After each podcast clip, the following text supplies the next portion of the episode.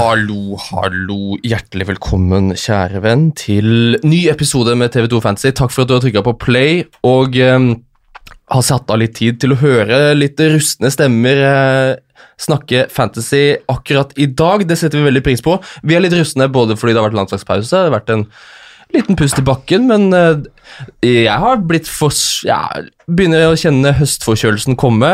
Du kommer rett fra valgvake, Mina, så du er litt sånn sliten etter gårsdagen? Ja, jeg satt i hele går og nistirra på opptalte stemmer og prognoser fra for så vidt her i Oslo, men ikke minst min hjemkommune Lillehammer, eh, hvor det var stor, stor spenning eh, rundt eh, valget. Så litt prega av det, men voldsomt klar for ny Premier League-helg og ny fancy-helg. Mm. Det er vi alle. Det er Når jeg sier vi, så sier jeg deg, Mina, og mannen som sitter mellom oss på andre siden av bordet. Du hørte han hoste i stad. Det er stemmen jeg tror, jeg tror, ikke du hørte det, for at jeg var du såpass langt bort. ja. Ventet meg bort. En mann som sitter bak eh, mikrofonen foran meg. Det er eh, imitatorkongen som febrilsk prøver å vise at han kan mer enn bare å imitere. Kasper Foss, velkommen. Godt sagt. jeg leste et intervju om deg i vinter at um, etter din nye, for din nye arbeidsgiver, fotball, eh, hos eh, Verdens Gang Ja. Du skal gjøre mer enn parodiere. Nå er imitatorkongen det er, det er du ferdig med? Eller? Jeg er vel ikke ferdig med det, men jeg hadde jo et uh, hører, Er lyden dårlig nå? Jeg må litt nærmere mikrofonen. Der er den lyden bedre. Der er det bedre. Jeg hadde jo et håp om å, å bli noe annet enn imitatorkongen. På en måte lett, sa- sette det litt på vent. Mm. Eh, men jeg har vel ikke helt eh, lyktes i det. Det har blitt litt for mye imitatorinnslag. Uh, Det er være opp til meg, da. Ja. Men, f- men det er jo liksom en balansegang da, som man må prøve å Mm. holde litt. Det er en vanskelig merkelapp å kvitte seg med, men det er, det er en vanskelig merkelapp å kvitte seg med. Imitatorkongen har jeg aldri likt å kalle meg sjøl. Det er bare sånn «Åh, Å ja, der eh, ble jeg kalt det, ja. Det er litt sånn Mm. flaut. Eh, I hvert fall å kalle seg sjøl. Er det flaut å være fantasy-ekspert over, Mina? Det er sånn merkelapp du mm. Jeg, Kjenner jeg har et par venninner som har det veldig moro med å bare kalle meg for Fantasy-Mina. Eh, de syns det er veldig gøy, jeg syns det er kanskje litt kleint. Eh, og spesielt fordi eh, det er eh, også folk som hilser meg velkommen eh, når jeg går inn i rommet på min, eh, et av mine stamsteder ved å alltid rope 'Mina, you are my fantasy'. Så det er jo det er litt småkleint, men det er god humor i det også. Og så er det jo grunnen til at folk syns det er eh, gøy å kalle deg imitatorkongen, er jo også fordi folk elsker gode imitasjoner. Det er jo Ja, noe av det folk syns er morsomst, liksom. Det er jo stas å bli kalt. Jeg legger ikke skjul på det. Ikke sant? Nei, det er jo derfor du blir kjent, eh, Kasper. Ja. Eh, det, har vi fått, det har vi fått inn spørsmål om. Vi har fått mye gode spørsmål i dag. Det får vi alltid spørsmål om mm. de gangene vi har hatt med deg. Vi har hatt med deg litt eh, tidligere også. En gang før. Fjor sommer. Så får vi en spørsmål om hva Morten Langli tenker, og Kjetil Rekdal osv. Skal vi ta det, eller skal vi bare la det ligge? Jeg tenkte du skulle få Altså, bestemme. hvem er det som spør? Det er det jeg lurer på, da. um, Vi må Ja, bare kjør. Helge Johan eh, Pedersen Kalleklev, altså Helge Kalleklev, vår gode kollega Ja, det er i TV 2, han eh, lurer han, på han er god på å spørre om sånt. Ja, Han lurer på om det er forskjell på de vurderingene Morten Langli gjør, sammenlignet med dem Kjetil Rekdal gjør inn mot Fantasy-helgen. Ja, altså, altså Jeg kan ikke drive med dere fantasy-røret. Da skal jeg ha betalt, da skal det stå om en sum pott penger. Altså Jeg skjønner ikke hvorfor folk kan sette seg inn i noe som ikke gir penger og gevinster. Så altså, Hvis det står penger om potten, altså poengene har en øh, som for penger, ja da kan du begynne å tenke på det. Og Nå har vi sett at øh, Norsk Tipping har jo begynt med at du har øh, to varianter, altså du kan spille head to head, da. Og da begynner du å snakke. Da, har du jo, da kan du sette fantasy-lag for å gjøre research på odds, men hvis ikke så er det jo helt sjanseløst. Det er helt natta. Det må bort! Det må, ja. Og Reka, da? Eh, Det er fantasy, da det Ja, jeg, har litt, hørt litt om det. Jamel og Rake og, og han Bernt har snakka litt om det når vi har kjørt bil rundt omkring. Altså, men jeg har ikke Jeg syns det blir litt tullete, da. For det, det, ikke, det blir ikke samme som å ta ut et ordentlig lag. Og da når du ikke er i nærheten av å kunne ta ut et ordentlig lag, så blir det liksom tullete å begynne å kalle seg manager for eget lag. og sånn, For du, du blir på en måte ikke i nærheten av det. Det er gode poenger både fra Kjetil og uh, Det er veldig hyggelig å få inn eh, Reka og Langli her i podkasten. de, har vært, ja, de har vært på lista lenge, så det er veldig veldig stas. Um, du var innom um, Kjetil Rekdal, er jo, kan si det er kollega av deg, Kasper. Ettersom du um, i vinter valgte å stikke kniven langt inn i ryggraden på oss i TV 2. Jobber litt i TV 2, nå jobber du i VG. Um, Er det Er det greit? Er det greit? Jeg er liksom, det er, det ja, det, er det, det er det jeg lurte Det er liksom jeg, jeg var veldig redd for akkurat det der en stund, så jeg, jeg er egentlig interessert i deres svar på det spørsmålet. Er det greit? Hvor, til hvilken grad er det greit? Når jeg hadde kosa meg så mye den sommeren i VM eh, 2018, lagde innslag på innslag på var- Norway Cup og gikk ut Ja. med TV2 Piqué Ja. og Jeg har masse sånne TV2-greier hjemme. Og nå 2-er det du. Judas. Ja, for det er det jeg er. Ja, det er det du er. Ja. Nei da, vi syns det er så trivelig å ha deg her sånn. Ja, men det jeg lurer på, er er det bedre i VG? Eh, det er eh, altså, V- altså Uavhengig av hvor jeg hører til, så vil jeg si at uh, VG er flinkere på enkelte ting, og TV 2 er flinkere på andre ting. Det er litt kjedelig svar, men det er veldig sannheten. Ja, det er og, jeg, veldig og jeg trenger ikke å gå inn på hva det, hva det er. Men Det er, ikke- det er ikke bare meg som har vært på valgvake og lært av valgkampen, men Nei. eh, nei, men Ja. eh, fancy, eller? Vi kan snakke litt kjør fancy. fancy. Vi kjører fancy. Da um, slutter med avsporingene og heller går over på fantasy. Um, mm. gjør du det på fancy, Kasper? Det er derfor du er her. Ja, øh, ja, det er derfor jeg er her, på, på grunn, Ja. fordi jeg snakker poeng. Mm. Uh, skal vi se, jeg vet ikke Jeg hadde ganske bra forrige runde, da fikk jeg 71 poeng. Mm. Pent. Eh, men eh, f totalen er jo ganske dårlig, det kan jeg sjekke her. Skal vi se. For du har spilt fantasy i en del eh, sesonger. eh, Ja, vet ikke jeg. fantasy, men pre, altså det, det konseptet som før het tippeligamanager og Premier League-manager. Ja. Det har Jeg vært, Mm. jeg vant en runde i tippeligamanager da jeg var 11 år, og da var det 30 000 som var med. Så det er på en måte det jeg har mest å skryte Ja. Så jeg var jo taktisk anlagt tidlig. Hjernecellene var i gang. Mm. Uh, skal vi se her. Du sa til meg før sendinga at du skulle finne frem laget, men det har du ikke. Jo, jeg har det, men jeg fant ikke fram på totalpoengsum. 229, og det er jo ikke noe skryt av. Jeg vet ikke, er det det, Mina? Det Hva er gjør du? ikke- absolutt ikke noe Du som er eksperten. Eh, altså Nå husker jo ikke jeg det lenger, fordi det har vært landslagspause, og jeg har vært så innmari opptatt av den der Sverige, Mm. Sverige-kampen. Jeg hadde en voldsomt svak runde sist. eh, Veldig mye stang ut og skadegreier og sånn, eh, men er nå på 2,24. Men det var veldig svak forrige runde, må jeg Ja. Mm. innrømme. Det er foran deg, faktisk. Mm. For Du hadde Stirling-kaptein. Ja, og Laporte går jo av der før uh, i løpet av første omgangen, og ja, nei, det blir mye Da blir det mye styr. Mm. Tenk å dvele noe mer med det, alle dere med Stirling-kaptein. Var du også en av de, Kasper? Nei, for jeg går jo ikke for øh, Jeg hater jo det safe prinsippet. Så det er jo derfor jeg hadde en såpass dårlig førsterunde. Jeg liker å bare Altså eh, Da gir ikke fantasy noe mening for meg hvis jeg skal velge Uh, det, alle som alle velger. Og det er jo Jeg er det. så enig! Og, ja, mm. du liker Men du gjør det ikke sjøl? Da liker Jo. du det ikke gjør, Du gjør det, ja? Ja, jeg vil si det. Ja, okay. Jeg vil si jeg var inne på noe som ikke så mange andre var inne på forrige runde, med Sergio Aguero som kaptein. Ja, Den er jo veldig fin. Mm.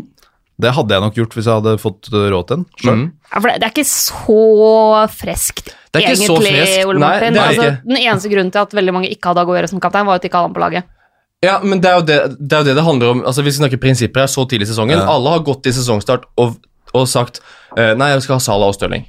Ja. Og da klarer vi ikke å Aha, få inn noen andre. Ja, inn jeg, jeg, jeg gir deg kred. Jeg syns det fortjener kred. Og Så i den grad det er hvis du ikke brukte minus åtte, men det ingen minuspoeng. Nei, da er det utrolig bra gjort. Så det var jo litt av uh, I den grad det er crazy, så er det da Jeg har jo ikke Stirling, så jeg får jo maks utdeling Mm. forrige runde. Det. Ja. det er deilig. Ja. Nei, jeg hadde da De Bruyne, og han fikk vel da 13. Mm. Og er vel Premier Leagues beste spiller eh, for øyeblikket. Men når du sier at du ikke safer, Kasper, hvem har du på topp? Da har jeg Rahul uh, Jimenez, riktig uttale, Mm. og uh, Pukki. Mm. Jeg brukte wildcardet allerede i runde to, det skal vel sies. Ja. For det var en såpass ræv første runde, for da gikk jeg jo imot alt av det som var av anbefalinger. For, å, for hvis jeg da hadde lyktes, da hadde du vært foran alt som var, Mm. og da hadde du vært Mm. Så det, det var på en måte over for meg etter runde én, tenkte jeg da. Men nå har jeg kommet litt inn i det med det wildcardet. Ja, Og gjort det litt mer trygge valg, eller? Ja, jeg har jo noe trygt, men jeg liker ikke å ha Stirling, sjøl om jeg skjønner at det er lurt. Ja. Men du vil ikke likevel? Nei. Hvem har du på midten, da? De Bruyne og De Bruyne, og så har jeg eh, han jeg, la vel, han jeg syns var best på Norwich i den kampen jeg har sett eller jeg så hele Liverpool-Norwich, og det var han eh, Jeg kalte den bare for spanjolen, for at det Ja, men eh, Buendia. Mm. Ja. Altså, han må jeg bare si, han er klassespiller, altså. Men for øvrig argentiner, men det, Ja, hvorfor kalte jeg spanjolen? Det er nok navnet, vil jeg gjette på. Nei, men Ja, det Buendia er er, godt, godt på en kjempe, argentiner. kjempespiller. Noe av det bedre du kan Han er noe av den mest spanske argentinere du får, i hvert fall. da. Men, men han er kanskje en typisk For det har ikke jeg tatt en sånn god vurdering på, men han fikk jeg bare sansen for. Mm, Og da er jeg sånn som bare Ok, hvis jeg bruker wildcardet, da skal jeg ha en på han. mm. Men det er kanskje ikke så lurt fancy-messig, Mina, sjøl om vi begge Eller at han er en klassespiller, men at han kanskje ikke nødvendigvis er en At han er klink fancy-mat, da. Jeg vet ikke. Altså, jeg pleier å si det at det Mm. er kombinasjonen av flere ting. Det er jo, som man må vurdere det. Det Det er er, ting. jo, det er, det er, er selv, eh, underliggende tall og statistikk osv., men så er Mm. det den ganske viktige øyetesten. Altså når du sitter og ser kamp, fordi du ser jo en del ting da som statistikken ikke fanger opp. Absolutt. Eh, altså sånn, du får jo ikke registrert eh, skudd på mål hvis du er liksom, Hadde tåa di vært bitte litt lenger, så hadde du nådd eh, det innlegget, osv., osv. Så videre. sånn at statistikken Statistikkens begrensninger i fotballen og for så vidt i livet ellers òg, er jo at du kan telle det som skjer, men du kan ikke telle det som kunne ha skjedd. I veldig mange tilfeller. Expected goals teller jo det. Jo, men det er litt annerledes, for da, da tar du utgangspunkt i sjanser og avslutninger. Mens for eksempel, du får jo ikke telt det kjempesmarte bakromsløpet hvor det bare er lagkameraten som Nei. eh, feiler totalt i pasninga. Mm. Hvis ikke så hadde den og den spissen vært eh, på blank goal. Mm. Eh, Du får som sagt ikke telt de gangene hvor man er centimeter unna og, og rekker Nei. fram i tide for å få en avslutning. Ikke sant? Alle de Nei. der får du ikke telt. Nei. Eh, Per nå. ja. På sikt så kanskje vi har smarte nok algoritmer til å plukke opp sånne ting, og så, og så videre. Men det skal Og i tillegg til at for eksempel sånn, eh, vi snakker mye om skudd på mål og skudd generelt, og at skudd på mål i utgangspunktet er mer interessant antall skudd på mål kontra antall avslutninger totalt. Samtidig, eh, en avslutning som liksom går rett over eh, krysset, eh, et par centimeter unna, eh, et kjempeskudd liksom, kan jo være en veldig mye større sjanse enn en lomp rett på keeper. Mm. Hvor den ene da vil være shot on target, og den andre vil være shot off target. Mm. Så, så øyetesten er eh, definitivt eh, viktig. Og det er ikke altså, Sånn som Buendia, da. eh, han dukka opp her på eh, et av disse statistikkmåla mine. Jo, han ligger for eksempel ganske høyt på sjanser skapt. Mm. Eh, der er han på en delt femteplass sammen med Gylvi Sigurdsson, Sadio Mané, Mares. Såpass, ja. Han er Så, med de gutta der. Ja, så det er jo ikke en dårlig klubb å være en del av det, liksom, når du Nei. er nykomling i Premier League. Han er spennende, han. Det er uansett spennende at du øh, har en litt annen tankegang, Kasper. Det er veldig nydelig. Men som du som hører på sikkert har skjønt, så har um, Mina har sine parametere. Hun har øh, statistikkene. Mm. Så vi skal inn i nerdhjørnet. Vi har allerede vært der, men vi skal bare høre jingeren og så kjøre Mina på. Åtte skudd på mål! 22 sjanser skapt! Heatmaps! 10 000 touch innafor 16! Minas nerdehjørne. Ja, jeg skal, har jo allerede juksa og prata litt statistikk. men Jeg skal ikke trette dere altfor lenge i dag, men det er et par ting eh, som jeg har lyst til å nevne. Det er noen spillere som eh, har sneket seg inn i tallmaterialet mitt her. Det er jo mange av den samme gamle gjengen som vi har snakka om tidligere i sesongen, og vi ser på antall avslutninger på mål og inne i boksen, sjanser skapt osv., osv. Men det som er interessant å se nå, er at eh, Sebastian Aller han er helt oppe på en delt tredjeplass når det kommer til altså, skudd på mål inne i boksen. Og det er jo den type spiss han er. Eh, Det er altså Haller i Westham, for dere som ikke henger med på franskuttalen. som Ja. det skal være, da, tydeligvis. eh, men vi kan jo se at eh, den som har flest skudd på mål inne i boksen, er vår alles favorittfinne Pukki. Mm. Med ti, så kommer Stirling med sju, og så kommer da Ashley Barnes og Aller med seks, mens de da har like bak seg med fem, Mohammed Salah og Sergio Aguero. Så Westhams nye superspiss, eh, det ser jo bra ut, har gjort de siste kampene, men det er også gode tall der som eh, kan hinte til at dette her er ikke et blaff, mm. og at det vi så i Tyskland i fjor, hvor han leverte en kanonsesong, er det nivået han, eh, han har, og kan videreføre også i England. Mm. Eh, Så det er kanskje det mest interessante som har skjedd eh, siden sist når det kommer de offensive tallene. Men skal vi kanskje se litt på defensivt også? Gjerne. Fordi i fjor så var vi alle enige om at ok, det var City og Liverpool som var greia defensivt, og før sesongstart også så var det sånn ok, kanskje man skal ha to Liverpool pluss uh, City. Mm. Men Som jeg ser- har nå. Ja. uh, hvis vi ser på hvem som har uh, sluppet inn færrest mål så langt, da, så er det Crystal Palace på to. Så kommer City og Liverpool eh, og Leicester med tre. Eh, og Crystal Palace er jo da sammen med, med City og Everton eh, eneste laget som har holdt eh, nullen i to kamper så langt. Men det som kanskje er enda mer interessant, er hvis vi da ikke ser på, på skudd man slipper til totalt, for da er det jo mye litt sånn halvdårlige skudd fra distanse og som, ikke, eller som blir blokkert osv., osv. Men hvis vi ser på skudd på mål mot så er det altså ingen lag i Premier League som har sluppet til færre skudd på mål enn Crystal Palace og Leicester. De har sluppet til 11 skudd på mål. Så kommer Everton med 12. Så kommer Wolverhampton og Liverpool med 13, og så får vi City og flere andre på 14.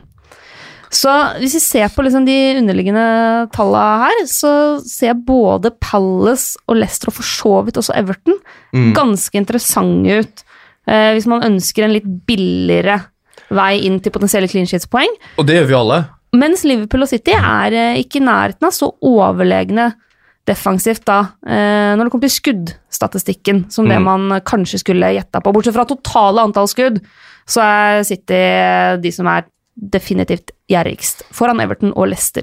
Det er, det, er en, det er en visdom du bare slenger i bordet her, eh, Mina. Og Crystal Palace de har møtt United borte. Eh, De har møtt Everton på disse fire første kampene. Så det, det er ikke sånn at de bare har møtt buljonglag. Um, Crystal Palace, altså. Det er bare van Anholt rett inn. Tenker du, Kasper? Ja, Han er vel den eneste igjen av de fanene i Palace, da, når Van Bissaka har gått. Mm. Så det er vel bare å, å vurdere, få det vurdert. Ja, det må opp til vurdering. Opp til vurdering. Definitivt. Ja, jeg vet men sånn, hvis du ser på den statistikken, da, så altså, er forvent Hvem er det som kommer til å vinne til slutt? Er det, noe, det er jo ikke sjans i havet at Palace kommer til å ende opp der på, som seierherre på den statistikken eh, Mai. i, i mai. Eller, men, kan, men kan de vinne til jul, f.eks.? Er det kortsiktig at du kan ha to Palace nå eh, i fem-seks kamper framover i tid? Altså, mange er jo nå på jakt etter en erstatter for f.eks. Laporte. Mm. uh, som er skada, og vi vet foreløpig ingenting om uh, når han er tilbake, men han er ute ei stund. Det kan vi si med ganske stor uh, sikkerhet. Eh, og hvis man da ønsker å istedenfor erstatte han med en annen liksom, eh, megadyr forsvarsspiller, Ja. så kan det jo være greit å tenke på hylla under. Eh, argumentet mot van Anholt, altså argumentet for van Anholt er at Palace har vært solide defensivt så langt. Van Anholt er en veldig offensiv, fin eh, back med et godt skudd, en god innleggsfot osv. Problemet der er jo at ok, nå har du Tottenham nå. Så har du Wolverhampton, Norwich, Westham, og så kommer City, Arsenal, Leicester, Chelsea, Liverpool. Så du skal gjennom noen ganske røffe kamper der hvis det er clean sheets du tenker på, og han koster 5,6. Mm. Så jeg tenker hvis du først skal gå til Palace, så ville jeg da heller gått en del billigere eh, enn en van Anholt. Da får du ikke det samme offensive potensialet, men du kan oppgradere andre steder eh, på banen. Og det samme gjelder jo litt av Leicester, Mm. for der har vi jo eh, han Soyuncu, som jeg tror det uttales, men der er jeg rimelig usikker, som koster 4,5. Ja, du har United og Tottenham på de to neste. Eh, så har du Newcastle, Liverpool, Burnley, Southampton, Crystal Palace. Så det, det er liksom ikke like Ja. Det det er på, på lang sikt Det kommer to tøffe kamper nå, men så på lang sikt så er det en ganske fin eh, fordeling der, og da må du kanskje tenke mer rotasjon, da. Mm. Eh, enn å ha liksom én toppdog som skal inn. Mm. I Everton er det jo Luca Ding som kanskje er førstevalget, i hvert fall for meg fortsatt. Han har jeg jo allerede. Eh, og så er problemet der at de er jo hakket hakket dyrere. Mm. Ja, for, for vi, alle som skal ha um, en erstatter for Laporte eh, Greit, Palace og Leicester, gode tall, det er greit, men kan man ikke bare velge en stopper i Manchester City, Kasper? Sånn som Ja, Einar foreslår Otamendi. Ja, eller hvor mye koster Laporte? Koster den fem Laporte ligger vel på seks blank Eller han falt nå i natt, Mina, var det ikke det? Men Kan du Ja. bare til tirsdag? Kan du ikke? bare ta inn Kyle Walker, da? Jo, Altså, det er et alternativ. Ja, jeg har jo skal vi se, jeg har jo Kyle Walker sjøl. Mm. Men du er er vel stressa over noe rotasjon på bekken der? Eh, jeg burde, Hvis jeg hadde nerda fantasy, så hadde jeg vel vært stressa. Men eh, jeg mister ikke nattesøvnen per nå, nei. Nei. Men, Otamendi eh, er, men koster 6,4, da, så du har jo råd til alle andre forsvarsspillere i City. ja. Så Ja. det er sagt. Ja. Eh, Men jeg, er, bare for å ta det, er det, er det sannsynlig, tror dere, at eh, Kyle Walker kommer til å miste plassen på sikt nå? Pep Guardiola sa på pressekonferansen før den forrige runden Mm. at etter landslagspausen så skal vi begynne å spille kamper hver tredje dag. Mm. Eh, Han fikk altså et spørsmål om Cancelo, nykjøpte bekken, om når han kom til å begynne å spille. Mm. Og da sa han vi kommer til å spille kamper hver tredje dag. Mhm. Det starter nå fra helga. Mm. Alle kommer til å spille sin rolle. Ja. Med andre ord, alle kommer til å få spille. ja.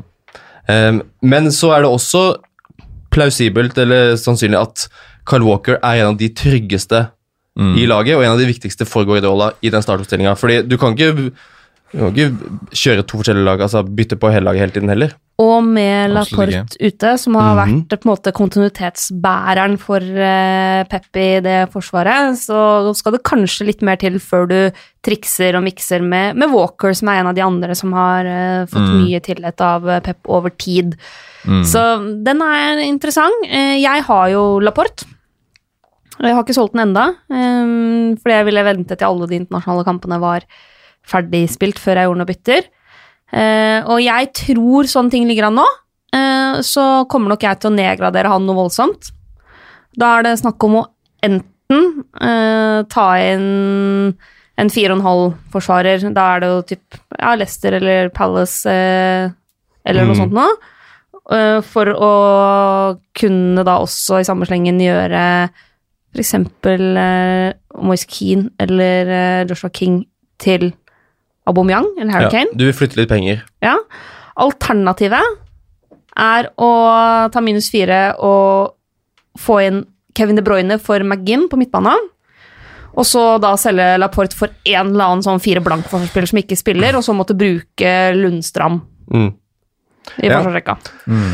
Eh, Det, og det Mange er, alternativer. Jeg ser den, Mina. Vi må bare svare på Bjørn Einar som lurer på Oftamendi. altså, jeg vurderer ikke Otamendi.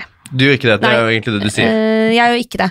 Eh, ikke fordi at jeg mener at det er liksom helt uh, natta å ta inn Otamendi, men det er ikke sånn at jeg føler at jeg må ha City-forsvar Nei. nå.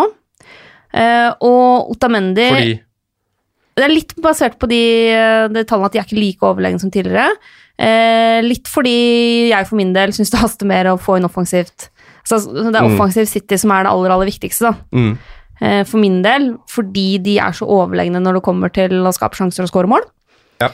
Så, og, da, og det får du ikke altså Ja, du kan alltids få en dødballskåring av Otamendi, men du kan like gjerne få rødt kort. Ja. Så, og så er det en Jo, jo, men, men du, du veit jo aldri. Ja, ja. Mm. Så, så jeg syns ikke Det kan du få med Kyle Walker òg. Ja. Ja. Så for meg så er ikke Otamendi kjempeprioritering akkurat nå. Eh, fem og en halv, det, du kan finne andre spillere kanskje som da er mer Mm. eh, interessante til den prisen. Mm. Eh, så jeg er nok da mer interessert i å gå kjempebillig, og så bruke pengene et annet sted. Det som er det er én ting vi er nødt til å ta med fra den eh, internasjonale altså landslagskampene nå. Eh, det er jo at Emerson måtte av med skade for Italia. Nei. Ja. Ja. Og for han ville jo vært et kanonalternativ. Eh, Er han sånn ute nå? det. Altså, jeg har ikke vi har jo ikke fått noe ny info der, men han, Kasper er superstressa. men han gikk av med skade Du har han tydeligvis. Ja, jeg har Ja. han. Han gikk av med, skade nå, eh, var det i Etter forgårs? åtte minutter. Ja. De rapportene jeg har lest, er det, Brasilianeren fra Italia, som jeg kaller han. Ja. sant? Han gikk av um, etter åtte minutter, som sagt. Han gikk av etter åtte minutter, så har jeg sagt det. Um, var bare sånn eh, precautionary føre var. Ja. Er det jeg har lest. ja, men han er currently being assessed, så da må vi Ja. vente på Lampard. Ja. Fordi hvis ikke, så er det sånn Ja, ok, Chelsea har ikke vært bunnsolide akkurat Nei. defensivt. Men eh, de offensive bidragene til eh, Emerson ser veldig spennende ut. Mm. Ja da, men de koster- slipper jo inn så grassat med mål, da. Og han koster eh, fem og en halv. Og ja, ok, hvis du kommer deg gjennom Wolverhampton og Liverpool, de to første kampene, så er det Brighton, Southampton. Newcastle, Burnley, Watford og Crystal Palace på de neste. Mm. Så, men det er fortsatt, jeg synes det det er mer sommerfugler i magen av det enn Men han er vel ikke en sånn spiller du har for å skaffe clean sheets. Han er jo bare deilig offensivt krydder. Ja, det er sånn deilig krydder som du kan Ja. eh, følge med på, og så Det er ser du han Alonso. den, Ja, og så er han mer offensivt, og så får han nesten en assist. Og så går det fem minutter, og så slipper han inn. Ja. Og så får du ett poeng. Ja. Så Til, eh, til nå har det vært sånn, men jeg tror på sikt så kommer han til å være en Ja. sånn som alle har. jeg, jeg var nære å sette han inn sjøl før uh, den Sheffield United-matchen. Ja. Før jeg tenkte meg om og tenkte ja, de kom, Chelsea kommer selvfølgelig til å slippe mål. Ja. Så der det er en forsvarsspiller til den prisen der, så er det jo Jeg mener defensive kvaliteter og clinches er en viktig del av pakka. Men ville du vurdert Otamendi? Ja, jeg ville det. Ja. Fordi um, jeg tror hva, I forhold til hva jeg tror, da, så er Otamendi en spillertype som altså, Han er sånn som stopper som er typisk Guardiola-stopper. Som kan være litt løkhue, og som, men samtidig har en sånn fysisk eh, tilstedeværelse som jeg tror eh, han trenger. John Stones er jo ikke en naturlig sjefen bak der, sånn som jeg tror Otamendi heller vil være. Så alt avhengig av hvor lenge Laporte er ute. Ja. Mm. Til 5,4 så er Otamendi en god vei tenker jeg, inn i det Manchester City-forsvaret. Jeg skal innrømme at jeg er også nå litt prega av at jeg pga. litt ymse omstendigheter har allerede 2,3 millioner i banken. Så da frister det veldig å ja, få brukt de penga ved å nedgradere Laporte litt ordentlig, og så kunne trykke på noe skikkelig eh, ammunisjon enten på topp eller på midtbane. Mm. Jeg er nok litt prega av det. Mm. Jeg bare lurer på, eh, på den statistikken din med mest eller minst innslupne sjanser. Mm. Hvordan ligger Burnley an på den? Skal vi se, finne fram her. Eh, Jeg har altså, utrolig nok ikke disse tinga her helt i huet. Hæ? nei, altså Pugger du ikke Excel-ark? uh, Burnley Det gjør eh, Burnley ligger eh, ganske Langt nede. langt ned på lista. Men de har jo, men de har jo møtt uh, Liverpool. Da er det naturlig at de ligger langt nede der. Og så er det, Fordi- altså, Dette er jo noe av det Burnley ofte har gjort. Altså, de slipper til ganske mye skudd, Mm. eh, men de skuddene har ikke nødvendigvis stopper ofte på veien. Ja, de stopper ofte på veien. Mhm. Og det er jo ofte sånn at de er flinke til å tvinge motstanderne sine til å skyte fra litt distanse, som gjør at Pope får en del Mhm. Ja. eh, Ofte har fått en del redningspoeng, da. Ja, er. Uten at det har vært altfor uh, farlig, egentlig. Mm. Og Burnley har et fint program Ja, det var det poenget jeg skulle fram til, da, før du rappet det. Unnskyld. Ja, det var, ja, det var ikke mitt poeng. Jeg hadde spurt en kompis som også heter Ole Martin om Har du noe jeg kan bidra med. Nei, inget, ikke noe annet enn at Burnley har gått godt program. Ja, men jeg får ta med det. Solid info. Solid info.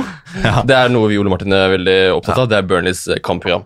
Ja. Um, da kan vi si takk til nerdehjørnet, Mina. Det ble et veldig godt nerdehjørne. Vi skal videre, vi. Har du sett det kampprogrammet, eller? Sitt stille i båten nå. Men Han er jo i superform. Sitt stille i båten. Jeg kan bare ta minus fire. Sitt stille i båten. Vi går fra nerdehjørnet og så går vi inn i båten eh, vår. Skal vi sitte stille, eller skal vi få på påhengsmotoren og dure av gårde? Nå skal vi prøve å ta inn en del spørsmål fra dere lyttere. Takk for alle som har sendt inn spørsmål både på Facebook-gruppa vår og på Instagram. Vi starter vi med Rikard Johan, som lurer på hvem er den ene must-have i hver lagdel. For Rikard er, er eh, som mange andre på wildcard denne runden. Populært å fyre av det i denne første landslagspausen. Så han trenger bare bullet points på hvem må man ha i hver lagdel. Um, Trent Alexander Arnold i Forsvaret. Ja, enig. Den første Han den har jo jeg til og med. Han har du, Ja. så da er du enig i den? Ja, jeg er veldig enig i den. Um, vi var innom Bernies kampprogram. Mm. Vi har vært innom Sion Chorjou i Leicester, stopperen til Leicester. Mm. Um, det er gode budsjettvalg. Mm. Er det noen andre dere har eh, i bakhodet? I forsvarsrekka? Dere ville ha, må ha med? Nei, jeg ville faktisk sagt eh, Arnold jeg, hvis jeg ville gått Ja. for Emmestad. Ja, hvis man skal ha en sånn skikkelig klar uh, førsteprioritering uh, der, så For, for det er vel ikke, han er vel ikke i nærheten av å miste plass nå? Han er jo bare klin Nå på det begynner jo laget. Champions League, da. Om ei drøy uke. Ja, men man må Men sånn Så lenge han bare mister en og annen kamp, så må man jo Så er jo det gamet. Man Men- kan jo ikke ha en spiller som spiller alle. Det kan man Jo, det kan man. det, det tror jeg definitivt man kan. Ben Mi, for eksempel, spiller Ja. alt. Det er Ja. ikke noe å tenke på det. Ja, sånn, ja. Men, Men for skal deg som skal gjøre det motsatt fra av de det alle andre gjør, så kan man ikke ha. fra enten Liverpool eller City, så er det umulig. Eh, kan jeg komme med Nei, det tror jeg ikke. Nei. Van Dijk Robertson. Ja, ja, ja ja, altså Van Dijk kommer til å spille alt så lenge han uh, kan stå på beina. Ja. Men jeg er jo helt enig i at den jeg ville, hvis jeg hadde vært på wildcard, den første jeg ville satt ned i forsvarsrekka, ville vært uh, Trent Alexander Arnold. Men det er ikke helt sant, for den aller første jeg ville satt inn, som jeg allerede har, er jo Lundstrand. Ja, Fordi men er, er- ikke det litt for seint? Nei, altså det er jo du altså, apropos kampprogram. Nå, nå er det toget gått, tror jeg. Eh, Greit at Southampton er hjemmekamp nå til helga, men så kommer Everton-Liverpool. Jo, jo, men Arsenal. du, altså jeg mener ikke nødvendigvis at du skal spille han, men eh, at eh, det å ha en forsvar du kan benke, da, som starter Ja. kamper og koster 4,2, Mm. Ja, greit. det gir deg såpass mye å leke med han er, ellers. han er must-have på benken, rett og slett. Ja. Ja. Ja. Jo, men litt sånn budsjett-must-have der, altså. Ja. ja, med på den. Med på den. Um, me- jeg mener vi må ha en Sion 20 altså, fra Leicester. Ville jeg hatt inn. Ikke noe å tenke på. Hvor mye koster han? 4,5. Null og niks, som vi kaller det på, hjemme på Lørenskog. Um, på midten Lykke til. Ja, det, Sier Det kjedelige svaret, eh, politikersvaret, hvis jeg skal fortsette den duren der, da, Gjerne. så er det jo ikke noe must-have. For, Fordi Fordi det er så mange gode og Det var ikke det svaret jeg hadde venta, forresten. Nei, Nei. for det er et for kjedelig svar. Ja. Ja. Du trenger ingen på midten, egentlig. Men jeg kan godt komme med et svar. Men, Men, ja, eh, men, men du mener det er ingen du må ha? det er ingen du må ha, nei. Jeg mener at øh, det kan forsvares å ha Mané framfor Salah, selv om Salah er i god form. Ja. Mané kommer til å plukke så mye poeng, han òg. Og da, siden han er litt billigere, så tåler du å tape pa- øh, ett poeng per runde på òg, Mm. i, i snitt. da. Mm. Stirling Ja, men altså Når det er to Jeg vet ikke, jeg har ikke regna på det, da, men jeg føler liksom når De Bruyne koster 9,5, Stirling koster 12, så blir ikke Stirling must-have ut ifra at da får du ganske mye for penga for 9,5, og da vil du igjen få mer penger der. Det er jo det. Mm. Den er jeg helt, helt med på. Så, så derfor kan man ikke kalle Stirling og Salah must-haves.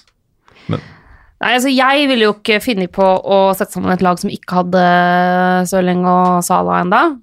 Eh, men det er jo Altså, jeg ville ikke gjort det. Eh, jeg ville strekt meg veldig langt for å gjøre det. Jeg har jo for så vidt valgt, tatt det valget også, men jeg er enig i at man kan ta en vurdering og kjøre typ Da må man se på hva man får ellers, da. Kjøre enten Stirling pluss Mané eller De Bruyne pluss Sala. Mm. men jeg ville ikke begitt meg ut på å tenke at eh, man, for eksempel Mané pluss De Bruyne Som er akkurat den kombinasjonen har. Ja, jeg, jeg ville ikke gjort det hvis jeg hadde vært på wildcard nå. Nei, Eh, nei. Men det er, altså De Bruyne har plukka 36 poeng på de første fire kampene. Det er like mange som Salah. Det er ett poeng mindre enn Stirling. Mané har 25. Ja. De, du- Stirling, Salah, De Bruyne og Mané er de fire som har flest poeng. Ja. Hvis, du tar, hvis du ser for eksempel øh, trioen, da, hvis du har De Bruyne, Mané, Aguero da, som en Mm. trio, kontra Salah, Stirling og Pukki, da. Mm. Jeg har ikke regna sånn på det, men de, vil, de trioene vil koste omtrent likt, kanskje? Eller um, den ene blir vel litt dyrere. Uh, Men oh, dere skjønner, dere jeg er ikke så god poenget, i matte. Ja, men jeg skjønner poenget ditt. Ja. Jeg skjønner poenget ditt veldig godt. Ja. Hvis, hvis Mané og De Bruyne på midten innebærer at du får plass til Aguero, Kane eller Aubameyang på topp, Mm, så, er, så, er jeg helt, så heller jeg mot mm. det, å få på plass en av de store spissene. Så man kan heller konkludere, hvis man konkluderer, da, det blir jo kjedelig konklusjon, men at man sier én fra Liverpool og én fra City i kombinasjon er must have. For Ja. hvis du ikke har, har det på midtbanen, da begynner du å slite. Da begynner du å bli, Ja, men det blir mindre konkret, da. Selvfølgelig. Ja men det, det gir mening. Det gir mening for meg. Jeg håper det gir mening for deg som hører på også. Um, for, eh, for Kim Pedersen også inne på det hvilken lagdeler som er viktigst. Skal man, mye skal man prioritere midtbanen? Det er det Kim har gjort så langt.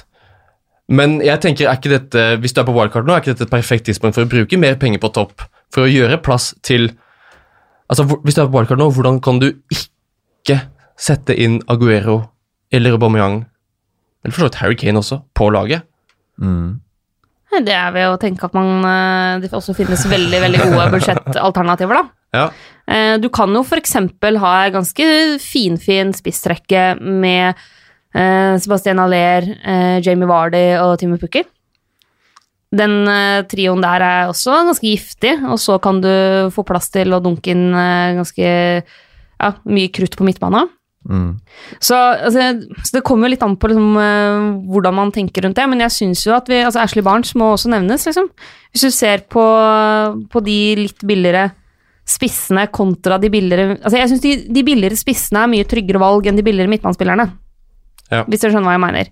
Uh, det har eh, Det har Ja, for Det er også si, altså. en del av diskusjonen her. og det, Hvis vi bare uh, Hvis vi lar den vente bitte litt, akkurat de billigere spillerne man må ha med på wildcard-laget, så må jeg bare eh, konkludere med den eh, for, Hvis du får plass til Salah, Stirling og De Bruyne på midten, Da er du god. ja, Ja. Er, er det liksom det ønskelige? Er det det man aller helst bør få til? Jeg er jo Selv jeg er jo frista til å ta hit for å få til den kombinasjonen, så jeg må jo svare ja. Ja, Du vil svare ja? Ja. Høres ut som du er enig i det, Kasper. Nei, ja, det, det, kan, det er absolutt en variant som kan funke, men det er absolutt ikke noe must. Nei? Nei. Ok. Så hvis vi holder oss midtbanen da, Mm. eh, billigere varianter da, Eh, vi må vente litt med Ashley Barnes mine, jeg beklager, vi kommer til han. Eh, Mason Mount, Daniel James er den som er mest kjøpt før denne runden her. Han har hentet av 370 000. Mm. 6,1 koster han, det er ikke han naturlig å ha med på eh, laget sitt. Han har jo skåret i hvert fall... eh, han skåret i hvert fall i, siste, i forrige match, og skåret også i runden før der. Han har tre mål på sine første fire kamper. Spørsmålet om han fortsetter, da. Ja, hvor sikker Det eh, Solskjær har jo noen valg å ta nå. Eh, Ja. gitt, den, jo, men gitt den sesongstarten man har fått, da. Ja. Så eh, for meg så er jeg fortsatt ikke trygg nok på spilletid. Hvem av de billige midtbanespillerne under 6,5 eh, må med på et wildcard, da? Altså, Mason Mount syns jeg fortsatt er et kjempevalg til den prisen. Mm. Eh, nå blei det ikke noe nå sist, men, eh, men det han har vist foreløpig i sesongen, er veldig lovende. Ja. Og Veldig sentral han- i det Chelsea-laget. Og han kommer til å være, fortsette å være veldig trygg i det laget der. Mhm. Ja, så lenge, han, altså, så lenge Chelsea fortsetter å slippe inn to mål hver match, så kommer han til å fortsette å produsere målpoeng. Fordi Chelsea må skåre mye mål for å få Ja. poeng denne sesongen. Um, Og så vil jeg jo, basert på det vi snakket i stad, nevne Lanzini, som har eh, fine tall. Er jo en av de som skaper flest sjanser i eh, Premier League så langt. mhm. Så altså, det har jo ikke blitt sånn Det har, det har liksom blitt ja, to, poeng, nei, to kamper med målpoeng, to kamper uten så langt. Men, eh, men han syns jeg er verdt å nevne. De kommende kampene er Aston Villa, Manchester United, Bournemouth, Crystal Palace, Everton og Sheffield United. ja. Eh, I et Westham-lag som eh, har eh, noen voldsomme kvaliteter offensivt. Mm. Mm. Så han vil jeg bare slenge inn til 6,5. Men Du vil slenge på midten, Kasper? Nei, det blir det jeg meldte før, da. Denne spanjolen fra Argentina, Bundia. For Ikke Cantwell, altså? Mye billigere? Jo, han Altså en av de to, eventuelt begge, da, hvis du er utrolig Kanarifugl. Kasper Wikestad i huet. Eh, ja, hvis du skal ha to Norwich-spillere på midten, og så skal du ha Pukki på topp Hvis du skal ha to Norwich-spillere på midten, så ville jeg i hvert fall gått for de. Ja, Da ville jeg i hvert fall hatt Pukki på topp, sånn at du Ja. har tre fra Norwich, kanskje. Ja. Um, da kan vi must have på topp på et wildcard. Altså, da er det jo fryktelig lett å hive inn enten Altså, Kane Aguero Aubameyang er jo spillere som alltid frister når du sitter med et wildcard. Mm. De gjør jo det. Hadde jeg vært på wildcard nå, så hadde jeg satt inn Aubameyang. Sporenstreks. Det, det er ikke Det er ikke en ueffen tanke, det.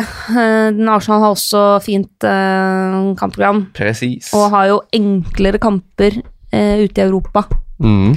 enn uh, det Tottenham og, og Liverpool f.eks. har.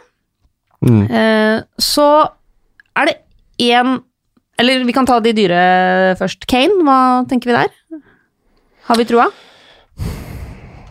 Nei, altså jeg, hadde, jeg satte han jo inn i ens ærend for, for å ha han hjemme mot Newcastle uh, som kaptein. Det gikk rett åt skogen, og så gikk han rett ut av laget mitt igjen. til runde fire, nå før landslagspausen. Um, og jeg kjenner jo på at det har ikke noe stort behov for å få inn han med det første. Eh, Selv om det er ålreit kampprogram, så er det akkurat de to lagene vi var inne på sist, Mina, som har sluppet inn minst skudd imot, Crystal Palace og Leicester. Det er de to lagene Tottenham møter. Eh, Vi snakka om det i forrige episode, at Tottenhams er eh, vanskelig å forstå seg på. Nå er overgangsvinduet stengt, da, så nå kan man tenke ok, nå er, er Pochettino blitt venner med gutta sine igjen. Og alle er kanskje fornøyde, eller kanskje de ikke er det, men bare tenker at det er greit, nå må vi bare spille uansett. Mm. Men eh, jeg syns Tottenham har sett Jeg er litt bekymra for Tottenham. Jeg syns ikke det, det frister ikke akkurat eh, nok. Uh, Aubameyang frister mer. Selv om Arsenal skal ut i Europaligaen, uh, Emery og rotasjon er jo noe du finner hvis du slår på synonymordboka. Så står de to ordene sammen. Så at Det skal Lacassette jeg hjem og sjekke etterpå. det er bare å sjekke. Uh, Lacassette og Aubameyang kommer de til å spille en i Europaligaen, en hjemmelig liga Tja, jeg vet ikke, men Aubameyang er tror jeg er ganske trygg uansett. Bare repetisjon være eh, for lytteren, ikke for meg selvfølgelig. Mm. Hvor mye koster det Aubameyang og Kane? De koster 11 blank, Begge to? Ja. eh, begge to. Og det er jo De gjør det, ja. litt For at, eh, da, jeg syns da at Kane på 11 blank kontra 12 blank for Aguero koster vel det. Mm. Er 12-1 nå, faktisk. Ja. Ja. Han er faktisk en hel million billigere enn Aguero, eller 1,1 da. Ja. Da ville jeg, øh, jeg, hvis jeg hadde brukt wildcard nå, så hadde jeg brukt Kane. For da er det mulig at du, å ha en kombinasjon av f.eks. Mané, De Bruyne og Kane, og fortsatt ha oppegående spillere ellers. Mm. Og til og med kanskje Salah, De Bruyne, Kane da. Mm. Men, øh, og jeg, har vel to bytter nå, så skal jeg prøve Jeg har ikke helt tenkt hvordan jeg skal få til det, men jeg skal prøve å få en annen. For det, er vel eh, Tottenham har jo ikke fått ut noe eh, Det er ikke så mange ut. Så det, jeg tror det, var, det er bare et spørsmål om tid før det kommer til å funke der igjen. Og de kommer til å plukke poeng på poeng, poeng og Kane kommer til å bøtte inn. Og da er det morsomt å være der i forkant før det begynner å skje, og at man liksom sier at da blir Kane must have. For at sannsynligheten kommer til å skje nå snart, den er stor.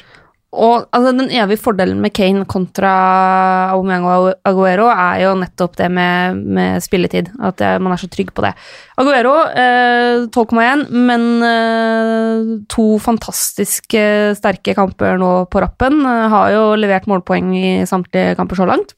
Mm. Det er jo veldig fristende. Samtidig så husker vi hva Pep sa før landslagspausa. Og det var at eh, om blant annet Gabriel Jesus at eh, han eh, kommer til å være tilbake til kampen mot Norwich. Da kommer han Ja. til å være skadefri igjen. Så må vi høre hva Pep har å si på fredag, men det var Mm. den beskjeden vi fikk med oss inn i landslagspausa, var at eh, Jesus eh, skulle være klar senest til Norwich-kampen, så lite obs-obs Mm. der. Ja. Eh, Ja, altså wildcard nå, så lett Kane foran Aguero, fuck, fra min side. Mm. Så syns Det, jeg jo ja, det er de dyrespissene Ja. Da har vi fått drodla på de. Eh, Halvard eh, lurer på og skrev til oss på Instagram hvilke tre bør spilles av Barnes, Aller, Abraham og Pukki. Det er de fire billigspissene som har slått best an i starten. Og så skal jeg gjøre det vanskelig, enda vanskeligere for dere, og for de som er på wildcard, så må man kanskje bare velge to av de. Ja. Hvem velger man da? Um, jeg Altså, nå har jo Tammy Abraham sett eh, veldig fin ut de to siste kampene. Han er den som er mest kjøpt av spissene før eh, Ja. helgens runde. 410 000. Eh, er vi trygge på at han er førstevalget nå? Eller sitter det en franskmann og lurer eh, bak der, som plutselig skal spille fra start? Apropos rotasjon. Chelsea skal også ut i Champions League nå om en uke. Um, det, er, det, er, det, det tenker jeg det er en grunn til at jeg ikke er på wildcardet sjøl, fordi europeisk fotball har ikke begynt å rulle ennå. Når den kommer i gang, så kan man se hvordan topplagene løser rotasjon, og om de kjører samme lag hver tredje dag. Eh, jeg er fortsatt ikke trygg på at Abraham er førstevalg, selv etter to kamper på rad med to skåringer. Hvordan skal du hvordan skal klare å benke en sånn spiller som har levert foran mål? Jeg tror jeg ville, jeg tror jeg ville tatt den sjansen, her, men det spørs jo hvor mye du er villig til å gamble. da. Mm. At da må du ta den sjansen, men jeg, Det er rart at en spiller som har fire mål på de siste to kampene, er en gamble. Ja, men det er ikke så Jeg, jeg tror det er mer sannsynlig at den bare fortsetter, enn at Giroud kommer og tar plassen hans, i hvert fall. Kanskje Giroud kommer til å starte en og annen kamp, men jeg tror øh, Han har jo valgt å bruke den nå, Hvis han Mm. mener Giroud er bedre, hvorfor ikke bruke Giroud nå? Og så har han i tillegg levert, så det er jo ikke noen grunn til å, øh, at han plutselig skal miste plassen. Mm. Så du ville gått for Abraham Ja, ja, ja. Sammen med Hvem var de tre? han- Barnes, Pukki eller Sebastian Haller? Aller. Da ville, jeg eh, jeg valgt den du liker best av eh, Sebastian Alli og Barnes. For at det, Pukki er sånn, hvis du har han, så trenger du ikke å selge den, men jeg, tror, jeg har ikke noe tro på at han kommer til å levere så, uh, Han kommer til å få en putt Mm. i kurva si. Mm. Jeg uh, s- Og det er det altså nedover. Ja, har du Ja. Siden vi ikke har videokamera. Så, Så det er ingen som så at du tok ja. fingeren Men jeg hadde gulvet. aldri gjort sånn. Da, Jo, eller det da, da, da hadde du gjort og så er det Ja, Men det er fortsatt sånn at Pukki er eh, den spilleren som har eh, flest avslutninger uh, inne i boksen, eh, og eh, Altså på, på mål, men også totalt. Og Pukki, ja. er eh, Ja. Men jeg tror men Norwich, som er liksom nyopprykka lag og alt sånt, du har jo sett det før, at nyopprykka lag som kommer inn, har så mye selvtillit fra det å ha gjort det spilt bra, øh, tør mye. Eksempel Huddersfield for et par sesonger siden, var jo, da var det lurt å ha de der spissene til Huddersfield, og så dør det sakte, men sikkert ut. Men det er jo ikke sikkert, jeg vet ikke en, Bryllupsreisen tar slutt. ja. Mm. Eh, Nei, jeg, jeg, for jeg ville i hvert fall ikke solgt den, men hvis du skal ta på noe nytt på lang sikt, så ville jeg ikke hatt Pukki. Nei. Så er det, Men, må kaste inn én sånn mellomprisspiller også. Uh, så får du bare hu hugge huet av meg, Ole Martin. Så alle vet jo at uh, Ashley Barnes uh, stort sett er min mann. Han har levert veldig jevnt og fint så langt i sesongen, både når det kommer til faktiske poeng og underliggende tall. Men det er også en annen som går voldsomt under radaren. Fordi altså Callum Wilson har nå falt til 7,8. Mhm. Han har levert målpoeng i samtlige kamper så langt. Altså tre assister på de tre første kampene, og målet nå mot Leicester. Eh, Så han har foreløpig ikke en eneste kamp hvor han ikke leverer målpoeng. Eh, Fryktelig jevn. Fem poeng per match så langt i samtlige kamper. Så det er litt verdt å bare ta seg en vurdering på det også. Så nå skal Bournemouth opp mot Everton, Southampton og Westham på de tre neste. Mm. Så mm, han kan være faktisk et litt sånn eh, joker nå, som han er falt fra åtte blank, som var en litt høy pris uh, denne sesongen her, til 7,8. Så ja, også, men så Merkelig vil, at han har gått ned i pris da, når han har levert. Da er det bare tegn på at prisen har vært altfor høy fra starten av. Ja, og at folk eh, mye vil ha mer. At man er ikke fornøyd med å bare få noen assister der i starten. Uh, man vil ha Man vil ha hat trick. når man har Tenker du også da at de som sitter med Joshua King fortsatt, uh, les meg, uh, bør bare tenke at dette kan ordne seg? Uh, Mm. ja Skal jeg sitte stille i båten, egentlig? Er det jeg lurer på? King så rå ut mot Sverige. Ja. Det står ikke noe på formen hans. Han, gjør veldig, han har veldig mye sånne rare valg. Men uh, den fysiske formen til King ser ut som er Ja, men den rollen han har på landslaget, er liksom lett for han å briljere, føler jeg. Ja, Fordi det er, det, du forventer på en måte ikke at han skal gjøre så For han er så aleine, så du har liksom lave forventninger til hva han skal skape Mm. med, med, med ball. da. mm. Uh, I Bournemouth er han litt mer Han er, han er litt sånn annen fiolin Mm. bak Callum Wilson. ja men han tar er vel det. straffer. Men tar straffer, ja. Og så plutselig så kommer han inn i flytsonen, og da er han eh, nesten must-have.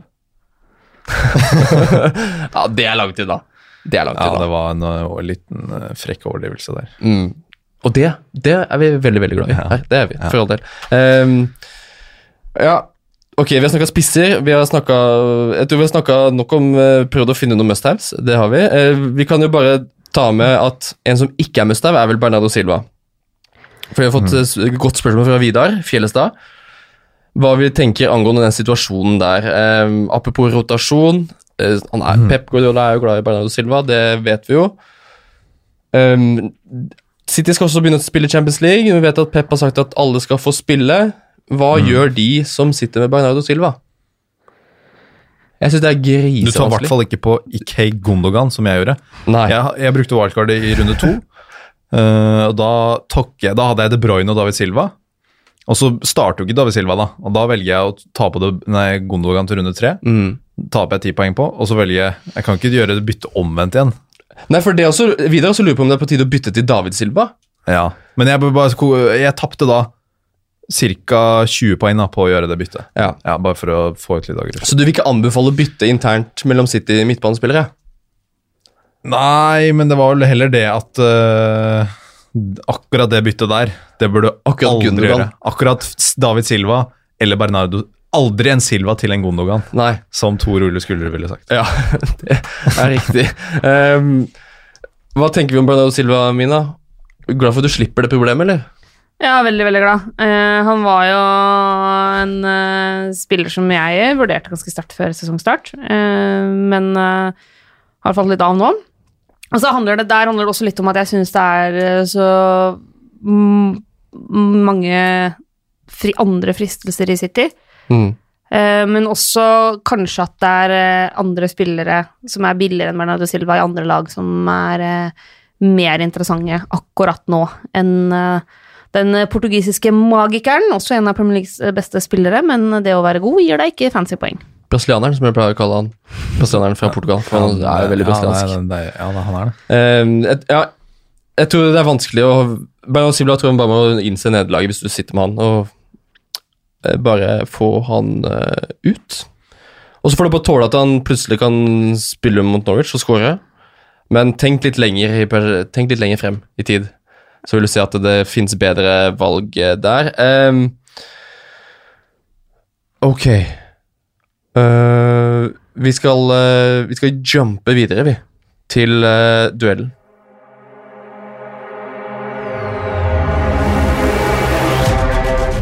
Nei, nei, nei, nei! Nå er du helt på bærtur! Det er jeg helt uenig i! Mener du det? Duellen. Og eh, i den fine, fine duellen i dag så har vi utvidet horisontene våre. For vi fikk et veldig fint spørsmål fra Bendik på eh, Insta. Og han skriver nå som vi ser at det er lite med clean shit-poeng for forsvarere, er det på tide å bruke wildcard for å sette inn medium premium spisser. Altså, da tenker han på Firmino, Lacassette, Jamie Vardy osv.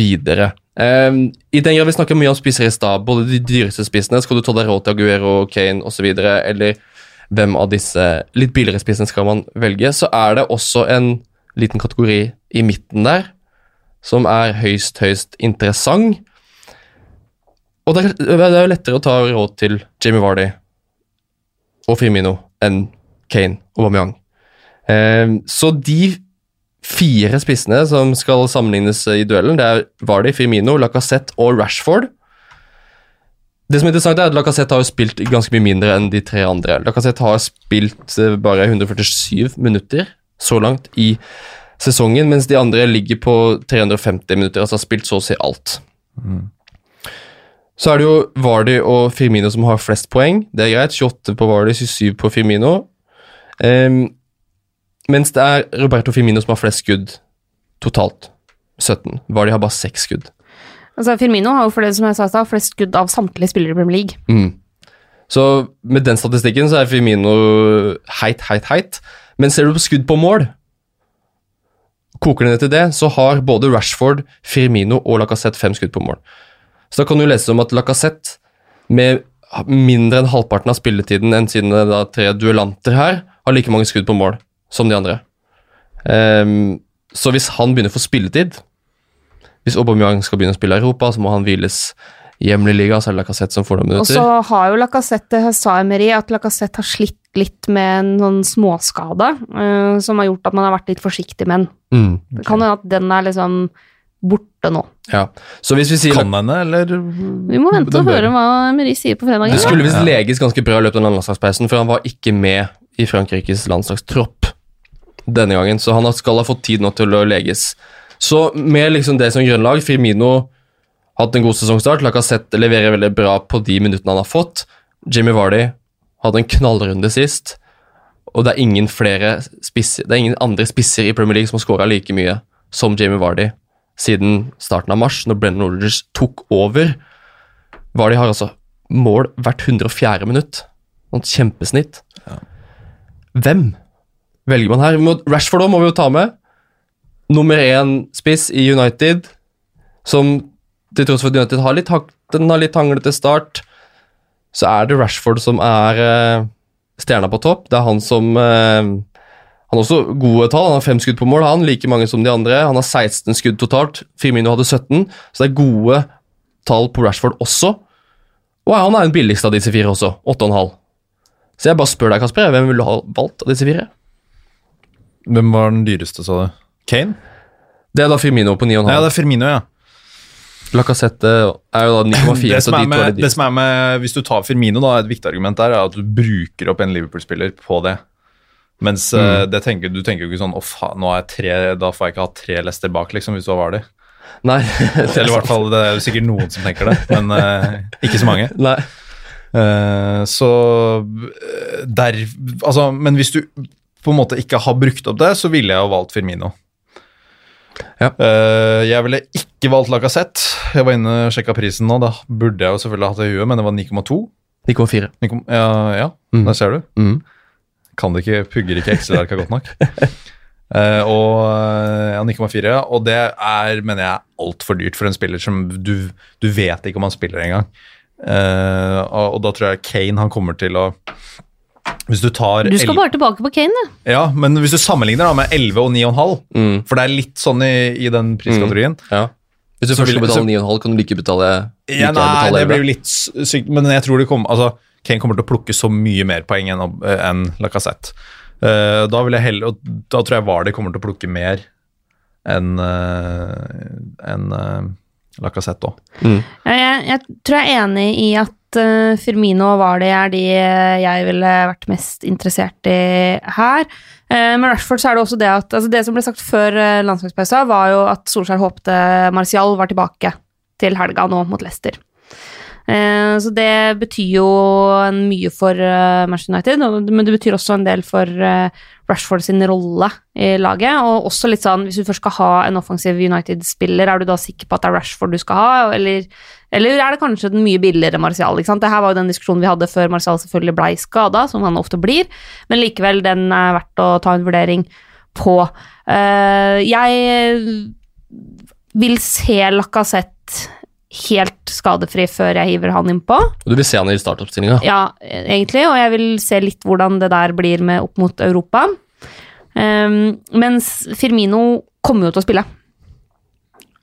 Ja. Og det er noe med, med de laga som tross alt skaper Som skaper mest, liksom. Og Mm. det, det er Liverpool og City Mm. som uh, skaper mest. Det er de som avslutter uh, mest. Mm. Så, og jeg syns at altså, Firmino går så innmari under radaren pga. Salah og Mané. Uh, men kan jo gi veldig, veldig god verdi. La oss, si du, la oss si du vil ha doble på Liverpool offensivt, da.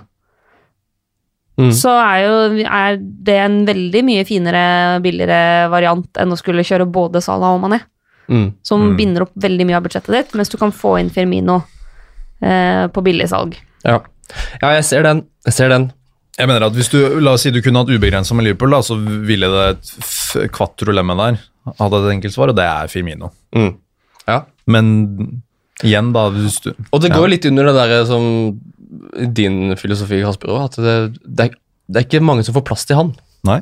Så hvis du er en av de som faktisk rydder plass til Firmino, så kan du vinne mye på det. Um, men jeg klarer ikke å se noe annet enn det målsnittet til Jamie Wardy. Ja, det er kjempepent. Så derfor ville jeg valgt han av Ja. disse gutta her. La oss si du kunne hatt fire fra Liverpool, hadde du fortsatt gjort det? Uh, ja. Ja. Men nå er den jo litt Da ville jeg hatt Salah Mané og to i forsvar. Men det er sånn, ja. det er sånn ok, Du kunne hatt fire fra Liverpool, og du kunne hatt 200 millioner i budsjett. liksom. Det blir jo Ja. sånn Ja, det blir veldig hypotetisk. Det blir hypotetisk, det gjør det jo. Og så er det litt I sånn den grad noe er faktabasert i denne podkasten. Skal du gå for eh, gull, eller skal du gå for det stabile? Uh, var det har litt sånn null niks på de to første kampene sine, og så eksploderer det i runde tre og fire, med da liksom på to kamper der så har vi tre skåringer og én målgivende, mens Firmino er blant de få spillerne som eh, så langt liksom altså han, han leverer mye mer jevnt og trutt, da. Ja. Mm. Men over Eh. femkampersperioder så er jo Vardø også en veldig stabil spiller, da. Ja, og det som er Hvis du ser mm, Ja. ja. Og det som også er fint med, med Vardy, sånn, hvis vi tenker historisk sett, da, eh, hans tid i Premier League, så er han blant de spillerne som eh, påvirkes ganske lite av motstand. Eh, altså han har generelt vært veldig veldig god til å få med seg målpoeng, også mot topplagene. Mm. Eh, og det har jo litt å si i og med at han har United og Tottenham på de to neste. Det er Mm. Veldig godt poeng. Mm. Så med det i bakhodet så kan vi jo gå over til å snakke litt kapteinsprat. Um, man kan jo selvfølgelig kapteine Vardy bort mot United eh, til helga, det skjønner jeg godt, men man kan vel så gjerne kapteine en Firmino eller eh, Liverpool-spiller hjemme mot Newcastle. Eller kan Newcastle sjokkere på bortebane igjen, slik som de gjorde mot uh, Tottenham? Liverpool er veldig mye mer solide enn Tottenham akkurat nå. Ja. Så, og de er, ja, de er gode på Anfield, altså. De er det. de er det. Så Salah kaptein, da, eller?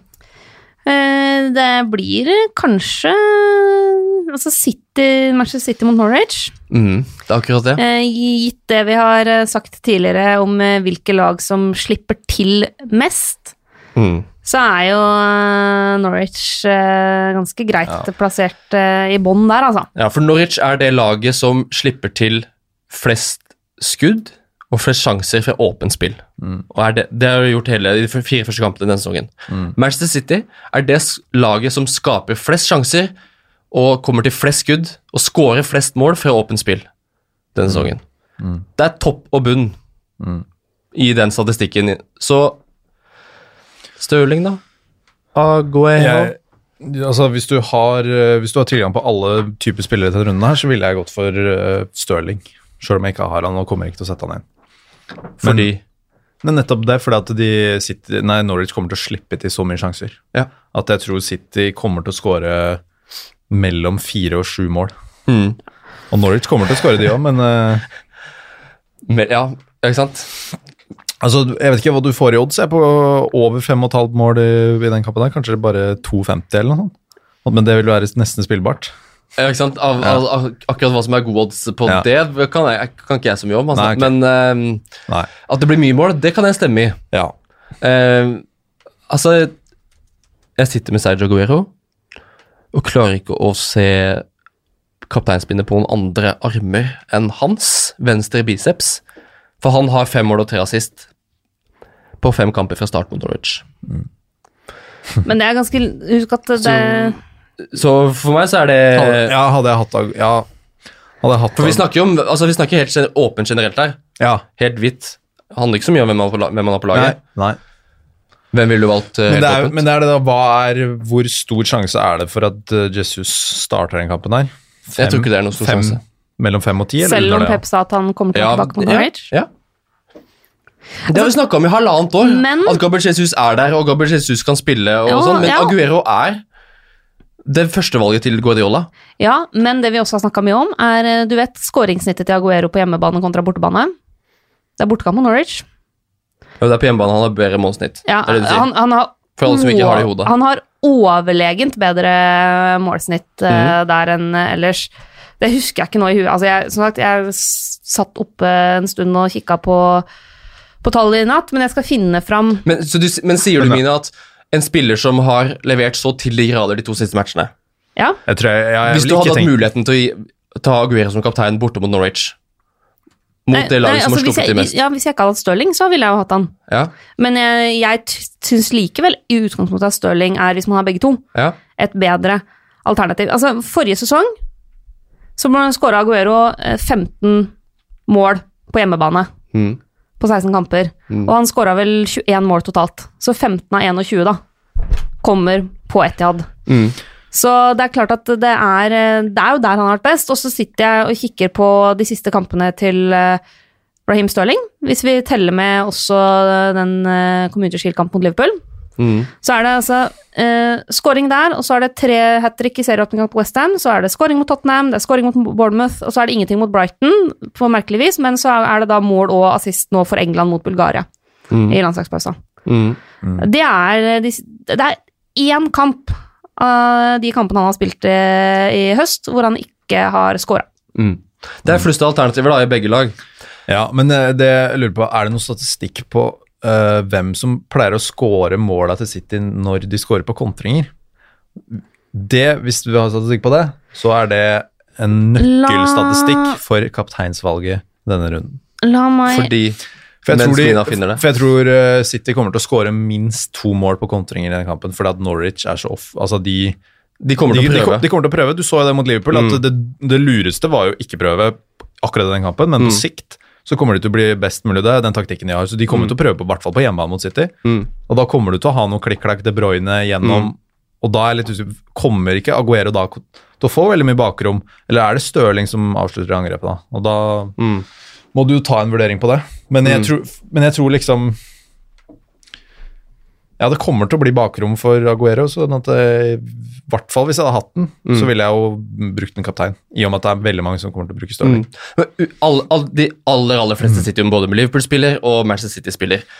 Hvis man ser, Hvem ville du hatt en City-kaptein mot Norwich eller Liverpool mot Newcastle? Hvis det er det det handler om også, da. Uh, For Du kan egentlig kapteine hvem som helst i Manchester City offensivt. ja, Bortsett fra eh, Bernardo Silva og Gabriel Jesus, kanskje. ja.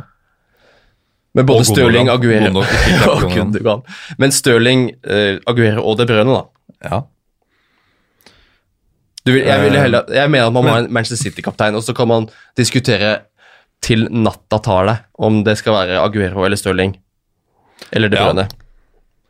Men eh, jeg føler det er mitt beste bidrag i podkasten her, det spørsmålet om hvem Ja, er det som fordi. Ja. Nå har mine vært stille lenge, uh, ja, så vi kan altså- holde det gående litt til, vi, altså. Men uh, på den måten som Oppda definerer liksom, mål på kontring, da, Ja. så uh, har Aguero 0 og Stirling 1 så langt denne sesongen. Ok, men får du, for- Har du statistikk for i fjor? Ja, men jeg får ikke den helt til å stemme, skjønner du. For der er, har Stirling to Ja. eh, goals from fast break, eh, mens Aguero er ikke på første lista her, så da må jeg bla meg lenger bakover, tror jeg.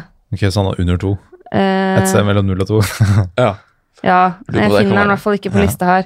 Uh, så ja, ok. Hmm. Men poenget er i hvert fall sagt, eh, Kasper. Jeg ser den. men, men Stirling er blant en av de som er på mest kontringer forrige sesong Ja. eh, for City. Det Altså gir jo tolv mening kontringer med- totalt, da. Mm. Yes. Ehm, City kommer til å ha det gøy mot Norwich, det kan vi bare konkludere med. Eh, tror vi at uh, Harry Kane kommer til å ha det gøy mot Crystal Palace? For de som har Harry Kane i laget, og ikke City-spillere? Jeg vil ikke, cap, jeg vil ikke cappe han runde her, i og med at uh, den statistikken til Mina om at uh, Mm. Palace slipper til så få mål, og da har ikke løsna henne for Tottenham. De, tror- kan, ja, ikke sant? Og de tok United på bortebane? Ja, ja, ja. Så jeg tror heller mer på Kane på sikt enn på i den matchen her. Mm. Enig. Helt enig. Tottenham har 16 poeng på sine siste 16 kamper, folkens. Tygg litt på den, du. Inn i uka. Huh, det må pustes ut. Vi har uh, babla og babla vi er en god stund. Håper du fortsatt er med oss. Det er veldig hyggelig. Jeg tror vi har kommet til veis ende. Til uh, end, of Mhm. the, end of the world akkurat uh, nå. Vi har fått dekka bra inn mot helga, men vi kommer til å gi enda mer informasjon på fredag. Fantasy-fredag. Da får vi jo vite hva managerne har å si før eh, helgens eh, runde. Da kommer pressekonferansene, og vi gir det siste nytt, selvfølgelig. På Instagram-kontoen vår, TV2 Fantasy. Også på TV2 Fantasy-gruppa vår på Facebook. Så hvis ikke du er eh, en del av vårt lille samfunn der, så er det bare å bli med på moroa der. Det, ja, det skal jeg fikse. Da ser jeg på deg, Kasper. Jeg snakker ikke til lytteren nå, nå snakker jeg til deg, faktisk. Ja. Eh, Kasper Foss, tusen hjertelig takk for at du var her. Tusen takk for muligheten for å komme. Det er alltid en ære. Det er alltid gøy å ha deg med. Eh, helt siste før du går, så vil Martin gjerne ha en Solskjær-parodi på engelsk. Klarer du det på stående fot? Nei. Nei, det klarte vi. Det skjønner jeg godt. For den er eh, Det ble dårlig slutt på podkasten. Ble en dårlig slutt. Kanskje vi skal klippe det bort? et nei skal avgjøre hele inntrykket av en pod. Ja. Kanskje vi klipper det bort. Kanskje ikke. Vi får se. En vi ikke klipper bort, det er deg, Mina. Takk for at du var her. Det setter jeg veldig stor pris på. Ja. Mens meg, det må vi ta på klipperommet nå. Takk for at du hørte på. Ha en smashing uke. We love you. Takk for nå.